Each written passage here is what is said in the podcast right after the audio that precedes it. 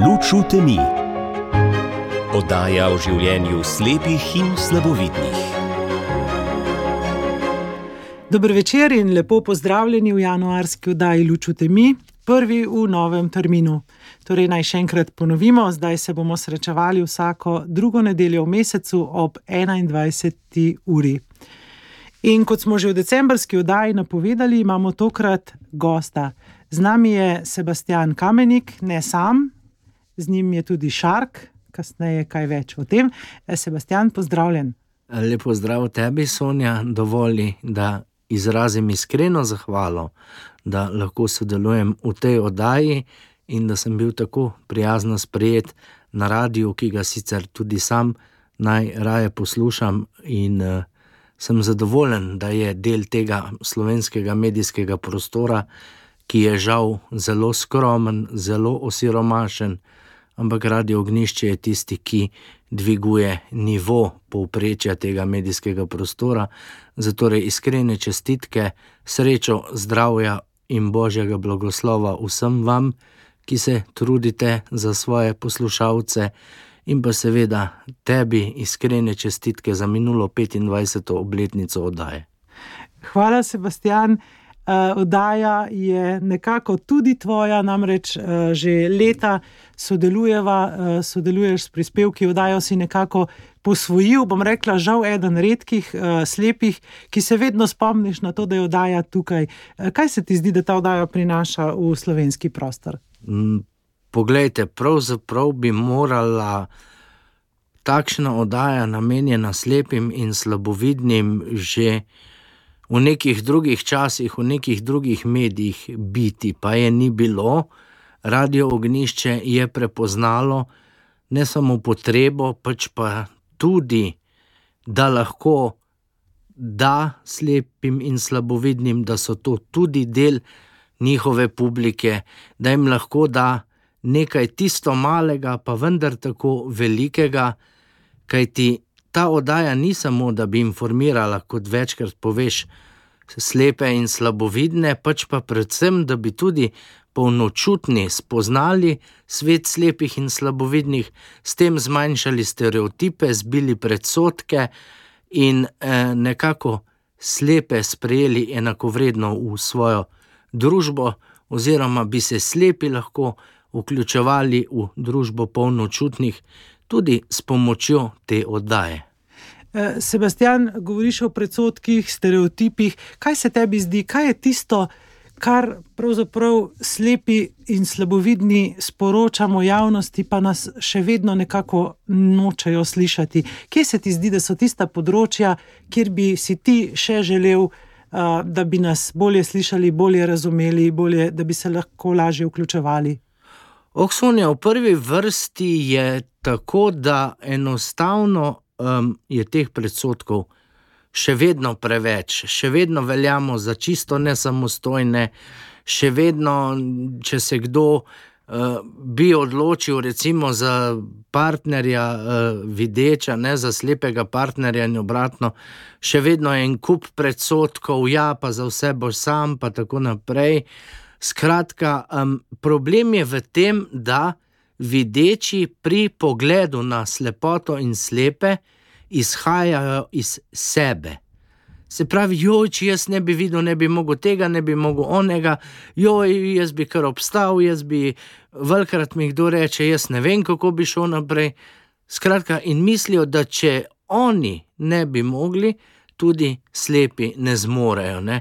In to je tisti največji predsodek, ki pa potem za seboj vleče vse ostale negativne stereotipe in predsotke.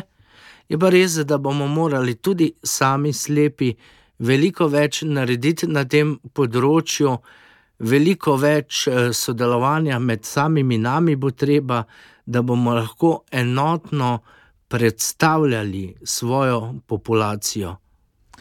No, in ti si eden tistih, ki na tem področju zelo dobro uh, deluješ, vendar kasneje nekaj več o tem. Uh, Dožna smo našim poslušalcem povedati najprej, kdo je Sebastian. Sebastian Kamenik je en čisto povprečni možakar, ki se približuje 43. letu svoje starosti. Uh, aktiven sem, ja, res na različnih področjih. Uh, sem podpredsednik in tiskovni predstavnik Združenja prijateljev slepih Slovenije. To je združenje, ki vključuje predvsem videče, da bi svojo podporo pomagali slepim in slabovidnim na različnih področjih z različnimi projekti. Nekateri pomagajo zgolj s članarino, pa se jim zdi, da so naredili nekaj dobrega in so zadovoljni, in ko vidijo, da tisti njihov prispevek. Eh, obrodil sad skozi vse leto, so potem še toliko bolj srečni. Uh, ukvarjam se tudi s politiko, uh, namen imam kandidirati za poslanca, kajti mislim, da je skrajni čas, da tudi slepi spregovorimo uh, ali pa rečem, hendikepirani, kajti uh, zastopati mislim svojo besedo vse invalide, ne zgolj slepe in slabovidne. Pa zdi se mi namreč, da če nisi nekje malo bližje tem vrhovom, uh, si enostavno neslišen. In se mi zdi prav, no, kako mi bo pa uspelo, bomo pa videli. Potem sem humorist, tekstopisec, uh, pesnik, nekaj se spogledujem tudi s prozo. V dveh oddajah nazaj si predstavila mojo prvo kratko zgodbo, ki sem jo napisal. Pa še bi se verjetno lahko naštelo, naštel sem ponosen lastnik psa vodiča Šarka. Um, je danes tukaj v studiu in ta, to je ta drugi gost, ki smo ga že nekako prej napovedala v samem uvodu in ki mu bomo potem posvetila še nekoliko več časa. Ja. Sebastian, zelo samozavestno eh, tole zveni, česar smo zelo veseli. Eh, če hoče človek v življenju nekaj doseči, mora biti samozavesten. Pa je bilo pri tebi vedno tako? Pa Pravzaprav ne vem, če sem jaz v resnici tako samozavesten. Jaz mislim, da imam sploh, kar se vidi za mojega tiče, pa tako naprej, eno tako bolj slabo samo podobo, moram priznati. Ampak tako enostavno sem. Um, na vsak način pa ja, uh, če pa gremo, kar se dejanj tiče, pa enostavno moraš verjeti v to, kar počneš. Ne, ker, na poti eh, delovanja ali pa življenja srečuješ ljudi, ki ti pa vedno ne želijo dobro, ki te želijo poteptati, ki ti mogoče zavidajo, da si tak kot si, čeprav nisi nič kriv, da oni niso. Uh, ki imajo drugačno mišljenje od tebe, pa mislijo zato, da je tvoje mišljenje, ker je mogoče na trenutke bolj radikalno od njihovega, uh, bolj svobodno razmišljajočega, da si zato slab in da zato škodiš ugledu svoje populacije. Skratka, enostavno moraš verjeti v to, kar počneš, v to, kar zagovarjaš, da lahko greš naprej, ker sicer tudi tvoje dejanja ali pa želje ne obrodijo sadov, ne dosežeš ciljev. Um, je pa res, da je včasih pa uh, naporno tudi za psiho samega človeka, vse skupaj. Torej, da se človek eh, razvije v nekaj, kar postane, eh, so potrebni tudi določeni ljudje, določeni koraki v življenju. Kateri so bili tisti ljudje, ki so vplivali na te, morda že v otroštvu, kakšna je bila tvoja pot? Sonja, le jaz ti bom tako le povedal. Um, jaz pripravljam eno knjigo svojih pogledov, na različne situacije, hkrati pa tudi svojih spominov. Ne? In ta knjiga bi že mogla ogledati ljud sveta, pa ga enostavno ne ogleda, zato ker je v njej um, poglavje, ki se imenuje Dobri ljudje, brez vas pač ne gre. Kjer bi se rad zahvalil na primer način vsem tistim ljudem, ki sem jih srečal skozi življenje in so pomagali, da sem tako kot sem. Ne? Ampak enostavno ugotavljam, da vedno znova, ko jih naštevam, koga bi opisal, koga izpustim, in, in me to blazno uh, vznemirja, blazno moti, zato ker bi se res nikogar ne bi rad izpustil. Moje življenje se je začelo že z dobrimi ljudmi, ki jim jih je na pot dala usoda, to je bila moja reniška družina, moja krušna mama, svojo družino, s svojo mamo, ki se mi je enostavno, kar rekel, stara mama. In 18. januarja bo minilo že precej let, kar je ni, ampak se mi zdi, da jo še vedno pogrešam še vedno se rad spomnim vseh najnih dogodivščin, kaj ti name je bila, kljub temu, da nisem bil pravi vnuk, resnično najbolj navezana in verjetno tudi jaz na njo. No, skrušno imamo, pa še vedno imamo lep stik, eh, smo še vedno družina, vse imamo radi, vsi se pokličemo, si povemo, se obiskujemo. Skratka.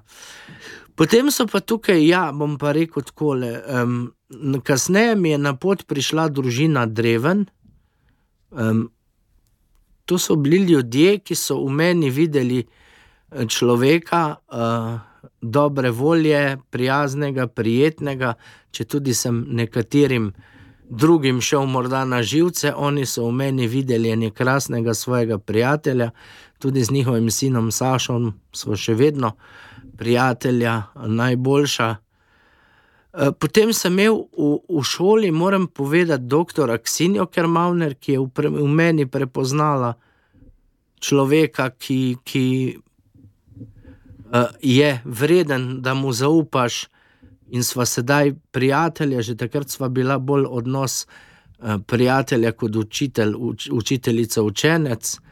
Pa gospod Milan Krišal, uh, učitelj v srednji šoli, pa Janez Celar gospod Juris Volšak. Skratka, to so bili ljudje.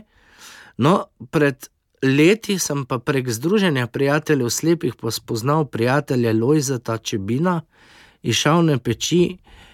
Tam je pa odprl spet eh, neko novo dimenzijo, um, pomagal mi je, da sem prek njega spet začutil viro v srcu. Um, skratka, en tak. Um, očetovski človek, eh, tudi sam je brez otrok, ampak je res izredno dober prijatelj. Jaz mu v šali pravim Ata, ker se mi zdi, da mi je oče dol iz nebes na pot poslal nekoga, ki me naj usmerja, mi pomaga, pa vodi na mesto njega. Slišala sem stavek, spet obudil v meni vero. Uh, kolikor uh, si mi nekoč zaupal, uh, je ta vera pri tebi nekako rasla postopno in šele v zadnjih letih nekako dozorela. No, jaz sem bil roj, oziroma ne rojen, ampak živel v zdravorazumski krščanski družini. Zato je tako čuden pojem. Ampak za me ni biti kristjan tisti, ki na vsak župnikov miglaj v cerkvi vzdihne hvala Bogu. Um, za me je biti kristjan to, da znaš eh, skozi življenje iti z nekim optimizmom, pozitivnim uh, razmišljanjem in seveda z vero ter zaupanjem v božjo previdnost. Ne? In na nek način to, tako so delovali moji. V, v moji krušni družini in še delujejo, se pravi, Eh, niso neki strogo zategnjeni, ampak se znajo poveseliti, se znajo tudi pohecati, uh, tudi kak bolj masten vid slišati, povedati. Skratka, ampak v svojem bistvu so pa verni in uh, tisto vero izkazujejo z iskrenostjo in dejanji. No, ampak življenje te pač obrača po svoje in Jaz moram priznati, da sem v nekem momentu uh, vero popolnoma izgubil, jo zatajil, postal, če hočeš, antikrist, ateist, kar hočeš. Skratka, ni, ni, ni se me več dotaknilo. Mogoče po prometni nesreči sem pa začel zopet, že prej se je začela v meni rasti ta vira nazaj. Potem mi je ta prijatelj marsikaj odkril nove resnice in mi pokazal, kaj on misli, in tako naprej. In počasi je začel to nazaj v meni prebujati. No, res je to, da, da veliko so mi pripomogle tudi sodelavke Karitas iz Muzirja, ki so mi z iskrenim prijateljstvom uh, pokazale, kaj je res lahko prava vira. Tudi to je res. No, ampak potem po prometni nesreči, ko me je na prehodu za pešce zbila voznica in sem letel do Bejans, dejansko po, in padel um, na pločnik, levo od mene stavba, desno količki proti parkiranju. Uh, res, da sem, štirkrat, da sem imel štirikrat zlomljeno levo roko, ampak na glavi nobene buške hrbtenica ne poškodovana, par centimetrov levo, par centimetrov desno, pa bi se lahko za me končalo čisto drugače. In za neko takrat, da me je Bog položil na tla. Uh, in se me je to dotaknilo, in uh, sem še poglobil vero, priznam. Ne sicer tistim, ki me poznajo odprej, se jim zdi to čudno, da sem se tako spremenil, spreobrnil me, mogoče kdo ima tudi za hinavca ali pa ne vem. Ampak to je pač njihova stvar. Jaz vem, kako je bilo, jaz vem, kaj čutim in uh, Bog tudi ve. Bog ve in Bog uh, ve tudi za tvojo hvaležnost, krušni mami, ki si jo že prej izrazil, uh, pa tudi prelil to zahvalo tudi v pesem, v besedilo. Uh, omenil si že, da si tekstopisec, morda nekaj besed o tem tvojem poslanstvu, potem pa napoved te krušne mame, za kakšno pesem gre. No, jaz se nisem tekstopisec, ki bi delal serijsko, se pravi, poznamo tekstopisce, ki na leto napišejo 300-400 besedil, um, seveda so tudi bolj znani kot jaz in jih ansambli že zaradi tega vzamejo besedila in uh, nimajo s tem težav. Ne. Jaz sem imel pa vedno to težavo, da sem se trudil, da bi ja tekst ne zvenel um, klišejsko enako in to. In seveda delam redke, redko tekste, ampak še takrat, ko ga komu pošljem, v večini niti ne dobim nazaj odgovora, ali je besedilo v redu ali ni. In potem te enostavno malo mine, čeprav si želiš, da bi v pesmih, pa v glasbi, ne, prelil neka svoje čustva, pa dal zopet ljudem, ne, ker res ne pišem to zase, ampak jaz vem, da se v pesmi lahko najde, ne vem, sto ljudi naenkrat, tisoč ljudi, če hočeš. Ne. Tako da pišem res, um, zdaj bolj manj besedila, še pa se kdaj naredi, pa kaj ponudim. Pred kratkim me je presenetil Dejan Vunjak, sin mojega prijatelja Brendija, s katerim sva bila res dobra prijatelja, ki um, no, pa se je to prijateljstvo potem preneslo tudi na sina Dejana in sem tudi vesel, in me je presenetil z mailom, da bo poskusil uh, uglasbiti eno mojo pesem in jo odpeti. Ki sem mu jo ponudil, oziroma besedilo. No, ko si me vprašala za krušno mamo, pa naj povem, da je to uh, Jaz moji mami ne bom nikoli povrnil vsega tega, kar mi je dala. Koliko odrekanja, koliko skrbi. Uh, moram reči, da je imela z mano veliko več dela kot z vsemi svojimi tremi otroki. In vedel sem pa, da, da ji veliko pomeni že, že beseda hvala. In nastala je pesem Krušna mama, uh, ki jo dejansko opisuje tako, kot je. Uh, in sem hvaležen tudi gospodu Hudniku Ivanu, ki jo veliko krat ustavi v vaš program. Uh, bi si želel, da jo še, zato ker veste, neprecenljivo je, ko dobiš telefonski klic ali veš, da danes je bila pa moja pesem spet na radio ognišče. Uh, ko, ko slišim tisti njen ganjen glas, vem, da sem naredil prav. In ja, in konec koncev situacija življenjska je dan danes taka, da je ogromno krušnih mama, ne se vemo, pari grejo veliko več na razen.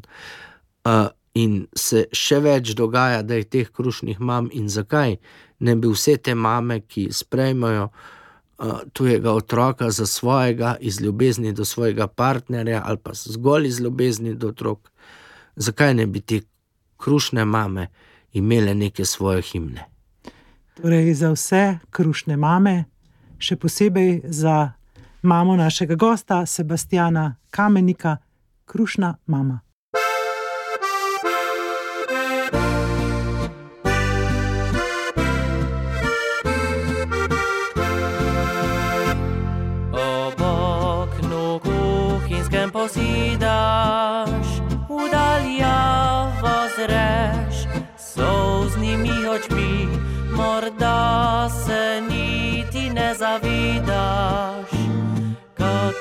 Globoko v mojem srcu si. Si varen dom mi bo nudila, ko bil sem diček nebogljen vsem si srcem se trudila, da nikdar ne bi bil jaz zapuščen.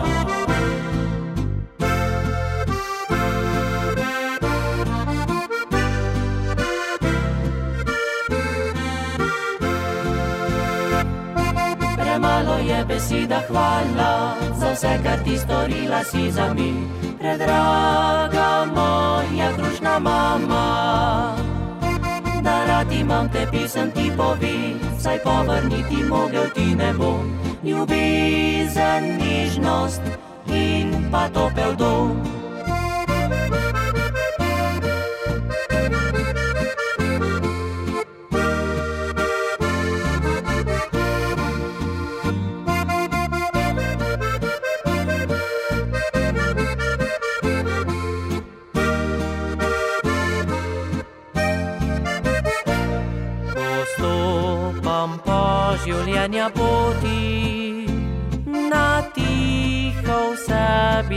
Zavim, ob srčni tvoji le dobroti. Lahko postal sem danes to, kar sem.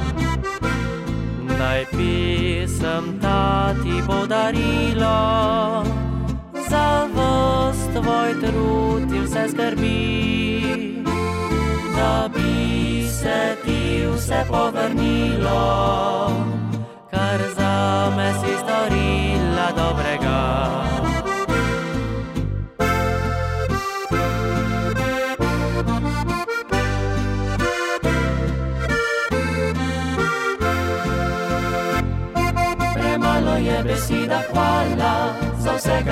storila si za mi, predraga moja krušna mama. Da rad imam te pisem ti povi, saj povrniti mogel ti ne bom. Ljubezen, nižnost in pa topel dom. Premalo je beseda hvala za vse, kar ti storila si za mi, predraga moja krušna mama imam te pisem ti povi, saj povrniti mogel ti ne bom. Ljubezen, nižnost in pa topel dom. Ljubezen, nižnost in pa topel dom.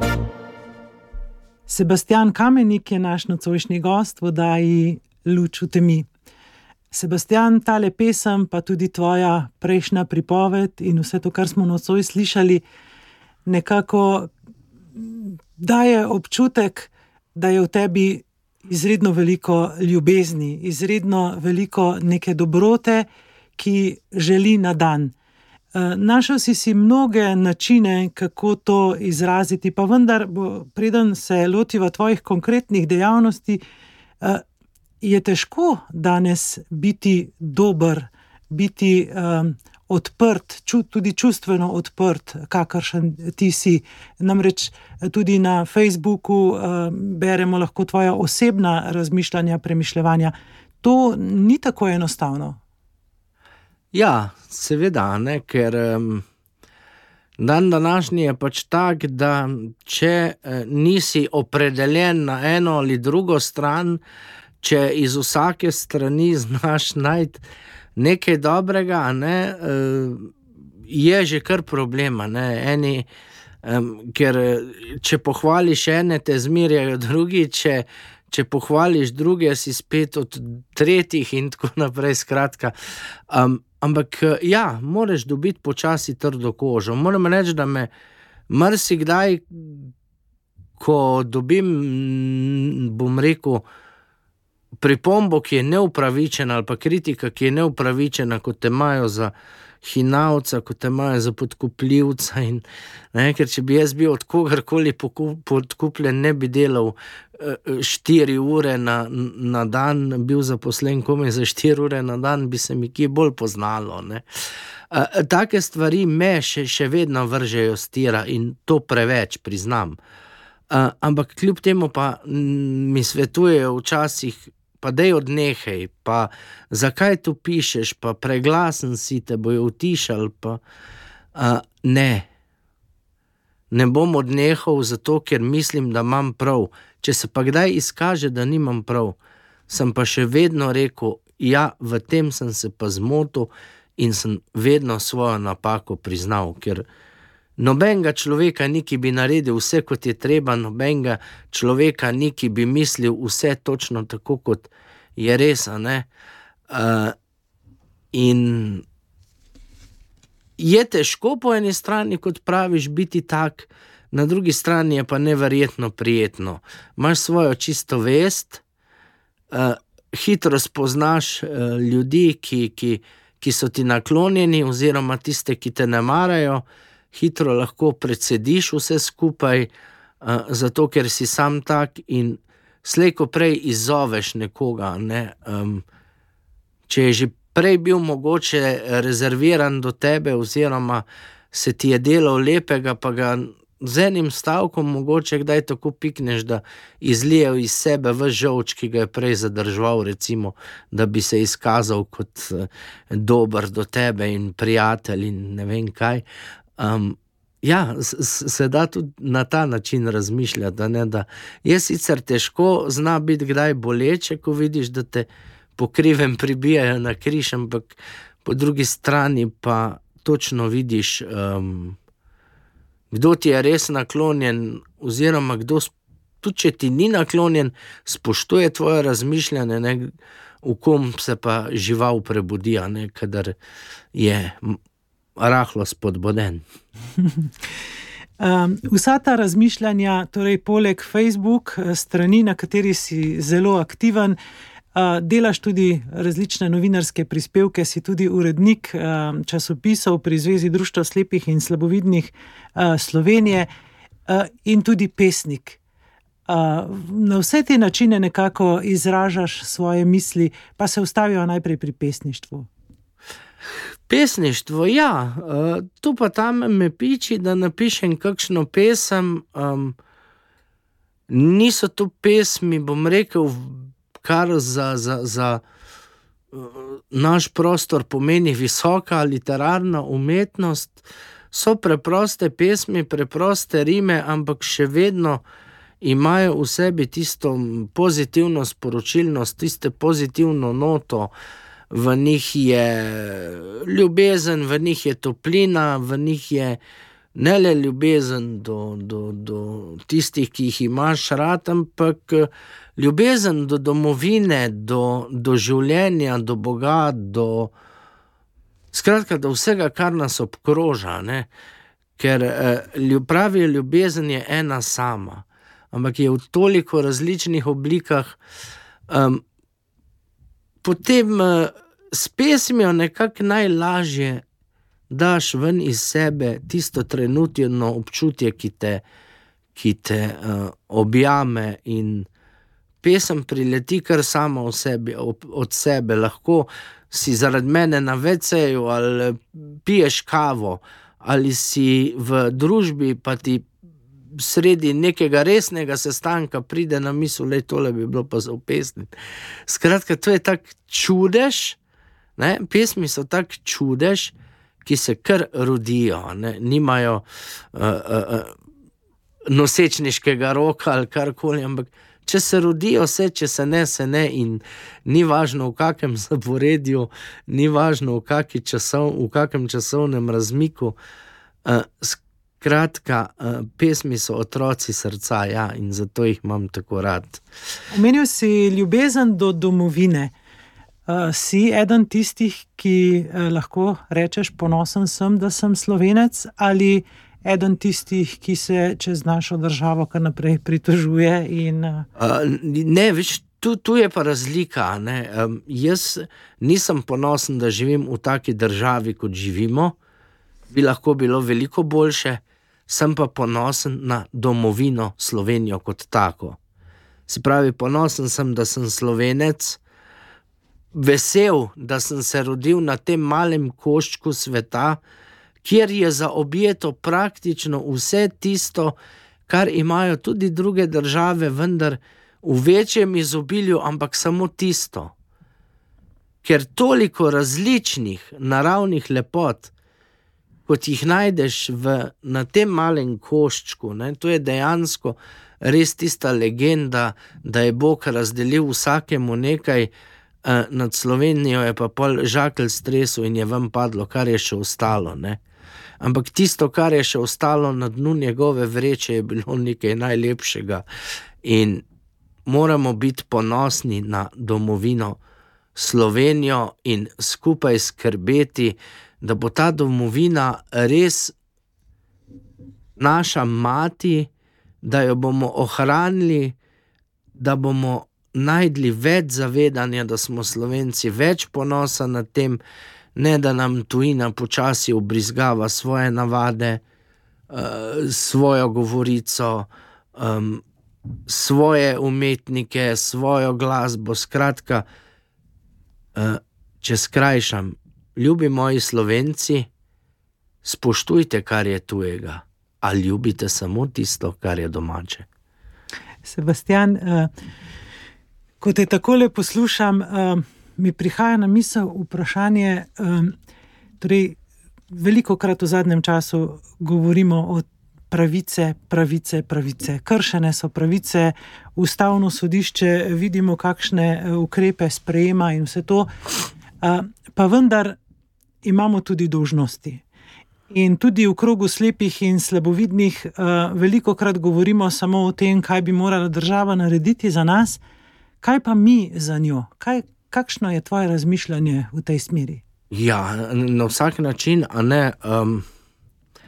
Jaz sem ravno zaradi tega med eh, marsikom nepriljubljen, zato ker ne sprejemam te liberalne miselnosti, da vsak ima samo pravice, da vsak mu je vse takoj, kar si zaželi, eh, servirano, da, da, da mu je pravica, da če se on pač ne odloči hoditi v službo in bo on na socialni frajerja špilal in na črno delal in je pač to njegova pravica in tako naprej. Skratka, jaz te liberalne miselnosti nisem in zato imam tudi veliko nasprotnikov in sovražnikov. Ker jaz tudi pravim, prav je, da pridejo tujci si iskati nam boljše življenje, ampak je tudi prav, da to znajo potem ceniti in izkažejo spoštovanje s tem, da se vključijo v družbo, da začnejo uporabljati naš jezik, In za liberalno misleče je pa tako moje mišljenje že nestrpnost. Ampak jaz pravim, nikjer ne gre, če so samo pravice iskane, dožnosti pa nikjer nobenih. Mogoče gre, da si to, eh, določena politična sfera s tem kupi socialni mir. Ja, ampak tako dolgo ne bo šlo in to bo zelo slaba dota za naše naslednje generacije. Sej, če vidite zdaj, uh, otroke se uči samo o njihovih pravicah. Ja, prav je, da ima vsak otrok zdravo okolje za življenje, prijetno okolje. Prav je, da, da imajo otroci veliko lepše in boljše otroštvo, kot smo ga imeli, pa, pa dobro, ne že mi, ampak naši starši, stari starši, skratka, da se je raven kvalitete življenja otrok dvignila, da niso več bogi, hlapčki, pastiri in vse to je prav in srečen sem. Ampak ni pa prav, da v tej borbi za otroške pravice pozabljamo na njihove dožnosti. Jaz sem slišal za eno šolo na celskem, kjer so prepovedali star papir zbirati, zato ker to je zloraba otrok za delo. Mislim, kje bojo ti otroci dobili delovne navade, če jim jih ne bomo ucepili kot otroku. In tu je liberalna politika šla preveč, preveč, preveč skrenila in preveč je v svoji nemi zadovoljiti čim več svojih voljivcev, um, razpustila uh, in uh, odnose, in zakonodajo, in to se vidi, in je škoda tega, ker verjemite, otrok, ki nekaj naredi. Ki dela, ki ima neko dožnost. Ja, vse se kdaj upre, seveda, ker je pač za računalnikom, pa na tablici, pa tako boljše. Ampak končni rezultat tega je pa zadovoljen otrok, ker je ponosen, ker ve, da je nekaj dobrega naredil, da je nekaj dobro naredil in da so starši ali pa skrbniki, kdorkoli, ponosni na njega. Sebastian, ena tvojih glavnih aktivnosti je sodelovanje v Združenju prijateljev slepih, ki smo ga v naših oddajah že predstavljali, prav tako tudi vaše projekte. Eh, ena od značilnosti društva je tudi to, da ozavešča in uh, omeniva morda zdaj enega vaših zadnjih projektov, uh, knjižico Zmot in resnic o slepih in slabovidnih. In ob tem še tvoje mnenje, katere so po tvojem mnenju tiste najbolj pogoste zmote o slepih? No, ja, izdali smo že, to je že drugi natis te knjige, te brošure. Prvo smo izdali v letu 2018 v 10.000 izvodih, zdaj smo pa, no, tu dovolite, da se zahvalim um, tudi Zvezi slepih, še posebej pa mojemu zelo dobremu prijatelju Boštjanu Štefaniču, ki je lastnik Zavoda Prava Možnost, je tudi slepi podjetnik. Ki nam je pa dejansko omogočil tako veliko količino teh brošur, in se mu sicer tudi kot prijatelju hvaležen za marsikaj, za marsikatero um, pomoč, tudi na osebni ravni. Uh, smo izdali to knjigo, ja, deset zmot in deset resnic. Ne? Zdaj, vprašanje, če so te zmote. Um, Resnično tiste, ki so pa najpogostejše, ampak tako sta se odločili avtorici, in mislim, da sta to naredili na podlagi kar dobrega premisleka. Uh, ja, ti stereotipi, se pravim, so pa takšni in s pomočjo take knjižice, ki je obogatena tudi z ilustracijami Gašparja Rusa. Um, Avtorici sta dr. Ksenija Krmavner in dr. Ingrid Žolgar. S takimi brošurami morda lahko odpremo oči ljudem, da bodo rekli: Le tole sem pa tole videl, tole prebral. Uh, to je pa tako. Uh, vsaka stvar, ki se naredi v dobrobit slepih, je prav, da se jo naredi. Uh, ni važno, kdo jo naredi, ali je to matična organizacija, ali je to neko združenje, ali je to neko drugo društvo. Sploh ni važno. Nekoč je ena gospa rekla: zaradi mene, če še satan kaj dobrega za slepe naredi, pa ne. Malo šali. Ampak je tako, ne. Mogli bomo pa mi slepi um, biti uh, ne samo hvaležni, ampak ne smemo videti, če kdo nekaj drugega naredi kot mi. Takoj eh, konkurenta, takoj tistega, ki mu bo odškrnil um, pogačo državno in tako naprej. Namreč uh, mene je zelo bolelo, ko sem se začel s tem združenjem prijateljev slepih ukvarjati. Ja, se to združenje ne bo nič drugega delalo, kot je mal državna sredstva eh, nam slepim, in tako naprej. Mi bomo zaradi tega eh, manj eh, imeli, in tako naprej. Skratka, same te potikanja sem poslušal in eh, moram, 20 let bo čez dve leti, pa enega državnega uh, evra ali pa centa nismo dobili, vse smo dobili s pomočjo mestne občine celje, s pomočjo donatorjev vse Slovenije in naših članov. Ne. Naredili smo pa ogromno dobrega. Parim literatom smo pomagali, da so lahko izdali svoje knjige in pomagali potem pri promociji ali z odkupom knjig.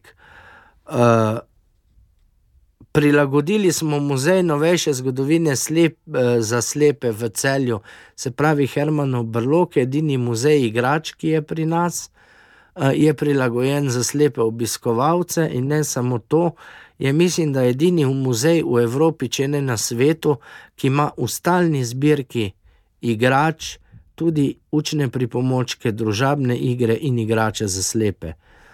Um, skratka, ogromno tega je, ne na zadnje, um, so tole antologijo, ki jo je izdala Zveza slepih, ne, ogromno stvari povzeli ravno po naših biserih Savinje, um, kjer pomagamo o, slepim, slabovidnim pesnikom in pisateljem, da se enkrat na leto srečajo, se predstavijo širši javnosti. Potem ogromno hodim po šolah, ozaveščam ljudi o slepoti otroke, ker pravijo, kar se Janezek nauči, to Janez zna.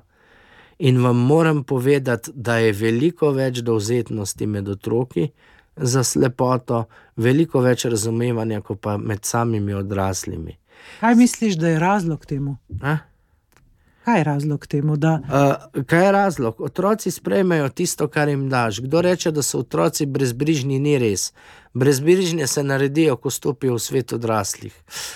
Um, kaj je enostavno gluhota? Um, v zadnjič sem imel za zvočni časopis obzorje intervju um, z celskim škofom Maksimilijanom Matjažem. Uh, in je rekel, da je za pomankanje vire in vernih uh, gluhost do evangelija. Ne? Jaz pa pravim, da je enostavno gluhost do, do, do ljudi, do drugačnih in nezavedanje, da je lahko kdorkoli med videčimi jutri na najni strani. Življenje, nor tempo, uh, prometne nesreče, v, takem divjem tempu, kot mi danes živimo, je vsak med vami, drage poslušalce in poslušalci, izpostavljen slepoti. Vsak od vaših najbližjih, Bog ne daj, da se vam to zgodi, ampak veliko krat sem pričal ljudem, ki jih prej to niti ni zanimalo, niti nič, potem se pa znajdejo sami v tej situaciji ali se znajde nekdo od njih, od njihovih najbližjih, je pa jog in stok in škripanje z obmi. Ne boš varila, samo to še povem. Dvakrat je eno društvo organiziralo predavanje o slepoti za odrasle, prišlo je celih nič, nič ljudi. Ja, to je res zanimivo in prav je, da začenjamo pri, pri mlajših generacijah, pa vendarle poskrbeti moramo tudi za to, da se potem ob prehodu teh istih ljudi v odraslo dobo ne zgodi ta sprememba, ki jo v resnici opažamo, da postajamo gluhi drug za drugega. Žal, eh, Sebastian, en dolg imamo še do naših poslušalcev, ki so morda zdaj um, že tudi zaslišali glas tvojega spremljevalca Šarka. Eh, če ste slišali, kakšno, namreč Šark se je tukaj lepo zleknil v studio, kot kaže, se tukaj dobro počuti. Ja. Sebastian, ga predstaviš? Šark. Šark je labradorec, pes vodič, eh, star je pet let, skupaj sva že, ne boste verjeli, na sicer praznik, ki ga jaz ne obrajam, ker je prišel iz Amerike, ampak v redu na Valentinovo, sva pač začela najno skupno pot. In ja, pes vodič je velika odgovornost tu ni izgovora, danes je pa sneg, eh, oziroma danes se mi pa ne ljubi ven. Ne? Ker problem je, da v snegu, pa v dežju je tako fino, če imaš in jaz imam v celju eh, čudovite prijatelje, ki mi pomagajo, kadar so res te vremenske neprilike, da ga peljejo ven, eh, da se nam kaj ne pripeti na kakem ledu, pa tako naprej. Uh, Drugače pa pravim, ni izgovora, ne? ti on ima svojo uro in takrat ti moraš iti ven, če tudi bi rad, ne vem, rajče poležal, um, pogledal neko oddajo do konca. Skratka, uh, pes ima svoj ritem, rabi in uh, je to velika odgovornost, tudi zato, ker um, bi te včasih kdo kam peljal, ampak te noče peljati, ker daš psa v avto ali pa bi te kdo povabil na obisk pa te ne, ker je pač vsak ne prenese pasih dlak in tako naprej. Skratka, je en kup stvari, ampak tisto pozitivno, kar je, tista navezanost, tista iskrena ljubezen, uh, In ne na zadnje tista pomoč pri vodenju. Ne. Jaz sem včasih spal za neko pot rabu 15 minut, zdaj rabim 5 minut. Uh, no, pa da ne boste poslušalci, seveda, zmotno mislili, ne, da psu, psu poveš, kam mora iti, in on že ima GPS v glavi in to ve. Ne. Slep mora pot poznati sam. Pes je tam samo zato, da ga izogne določenih ovir, in veliko eh, hitreje gre to, in veliko lažje kot pa s palico. Tako da jaz, eh, kdo še okleva, kdo se odloča, ne se mora odloči in enkrat poskusi. Uh, moram reči, da kljub vsem obveznostim, uh, ki jih to sabo prinese, je pa tisto veselje na koncu, je tisto pravo, ko vidiš, da te ima rad. Ga recimo pustiš dve ure samega, pa priješ nazaj, pa skače vate, pa veš, da te je vesel. Skratka, um, zakaj bi bili psi zgolj neki ljubljenčki, če pa lahko tudi kaj dobrega naredijo? Je pa res, ja, da me ta ljubezen do živali včasih kar malo skrbi, ne, ker uh, želijo živa, uh, živali počlovečiti, natikajo jim čepice, plaščke, čevlčke. Mislim, meni je to, ne, pes se je rodil v naravi, pes je pravijo, da je prednik volk. In uh, nisem prepričan, da tisti največji ljubitelji živali, ki mislijo, da s tem delajo dobro da pa res tem živalim dobro dela, ne? ker živali so boge, one ne znajo povedati nazaj. Ne? Če bi one znale povedati, da jim čepica ne paše, pa to vprašanje, kaj nam bi povedali. E, skratka, hočem reči to, da ja, ljubezen do živali, ja, ne pa pretiravata. Ne? Torej, končajmo s to lepo mislijo s tem veseljem, ki ga Sebastian v tvoje življenje prinaša eh, Šark. Takšno veselje si ti danes prinesel v naš eh, studio in prepričana sem, da tudi naši poslušalci eh, so slišali kakšno misel, ki jih je nagovorila. Ki jim bo ostala v lepem spominu. Sebastian, prepričana sem, da bo še priložnost, o marsičem bi še Eh, lahko govorila, vendar se čas daje zdaj izteka. Za konec bi te prosila še, da napoveš zaključno skladbico, ki jo izvaja Duo Simi, eh, to sta tudi iz vrst slepih in slabovidnih. Eh, ti pa si za njo napisal uh, pesem, ki sta jo potem uglasbila. Ja, napisal sem besedilo Najno življenje, um, malo gledalo nastavim um, raznim partnerskim in zakonskim zvezam. Um, je pa pesem, ne zdaj le smo zakorakali v novo leto, za nami je veseli decembr. In uh, je pa prav, da je ena taka vesela pesem, um, malo razvedri ljudi, je malo hudomušna, ne? kako se dva um, prepirata, na koncu pa ugotovita, da kolunca privesla in ko je večer, si pa oba želita topline in ljubezni in imata iste želje. Skratka. Um, naj vam bo to mogoče tudi izhodišče, ne, da vedno problemov med sebojnih ne tiščite pod preprogo, ne se dela, da jih ni, ne se dela, da jih lahko obidete, preskočite, kajti ni junak tisti, ki se izogne čerem, junak je tisti, ki te čeri zna preplezati. In radi imejte se, spoštujte se ne delite se na ene in druge, vsi smo samo ljudje. Čudovita misel za konec. Temu pridružujemo le še naš pozdrav. Spoštovane poslušalke, spoštovani poslušalci, vse to, kar smo zdaj slišali iz ust našega nocojšnjega gosta, Sebastiana Kamenika, vam iz srca želimo tudi eh, tisti, ki pripravljamo oddajo Luč v temi. To so bila tokrat tehnik Marko in voditeljica Sonja, zdaj pa, kot že rečeno, duo Simi. Kaj okoli ledi, ujaš, zdaj hujši si od burje, kako da sebe ne spoznaš, držiš se kot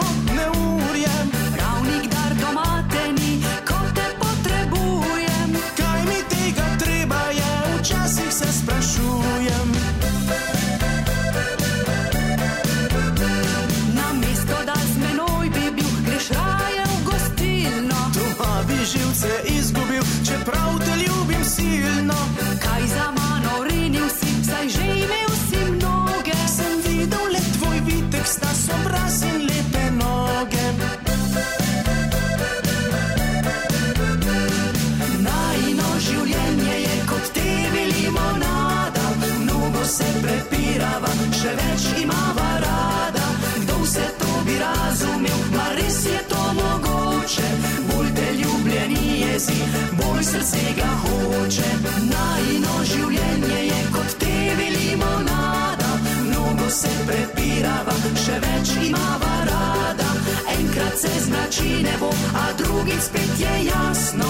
Če bi skupaj ne prišla, bilo bi dolgočasno.